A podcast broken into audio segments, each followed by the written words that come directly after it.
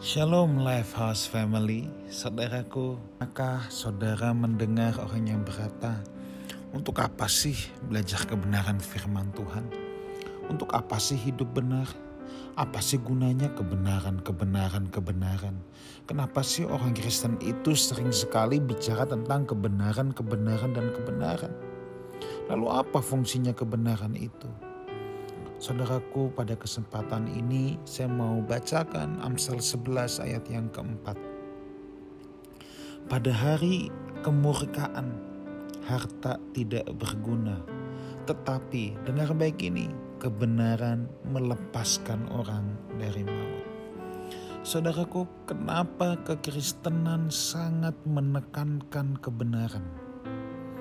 Kenapa kekristenan bahkan Tuhan Yesus sendiri berkata kalau kamu mengetahui kebenaran, kebenaran akan memerdekakan kamu. Rupanya kebenaranlah yang bisa melepaskan seseorang dari maut. Pada hari kemurkaan, harta tidak berguna, kata Amsal. Tetapi kebenaran melepaskan orang dari maut.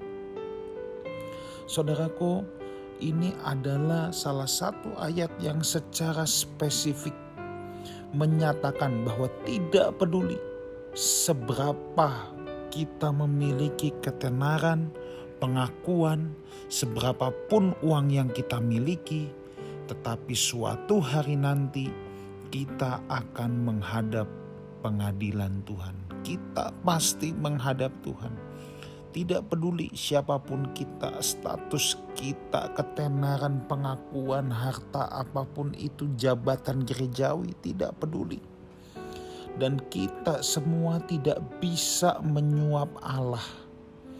Semua harta kita, uang kita, sumber daya kita, penghargaan, mungkin kita punya piala satu lemari dan apa pun yang ditawarkan oleh dunia ini akan menjadi sia-sia suatu saat nanti ketika kita menghadap Allah untuk mempertanggungjawabkan apa yang telah kita perbuat.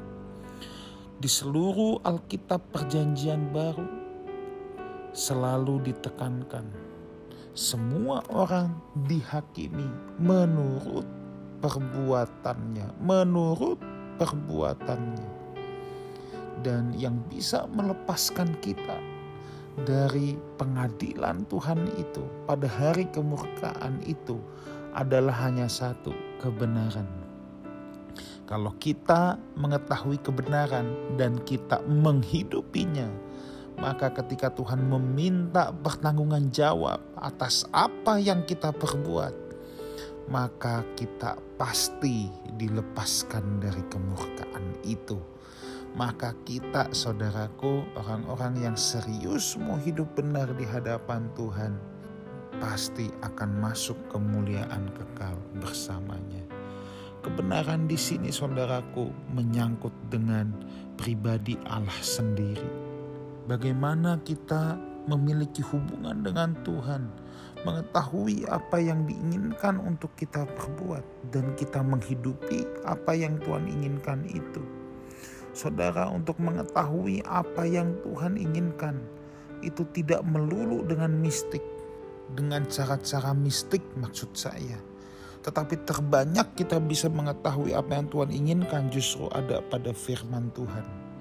Jadi kalau orang tidak mencintai firman Tuhan bagaimana mungkin? Bagaimana mungkin ia bisa mengetahui apa yang Tuhan inginkan? Saudaraku, apa yang harta, fasilitas, ya uh, relasi yang bisa dilakukan untuk kita itu terbatas. Hal-hal tersebut tidak bisa melepaskan kita dari hari kemurkaan. Tetapi kebenaran, orang-orang yang hidup benar di hadapan Tuhan akan dilepaskan pada hari kemurkaan. Lifehouse Family, yuk kita bertekad sama-sama miliki hubungan dengan Tuhan dan hidup benar di hadapannya. God bless you all.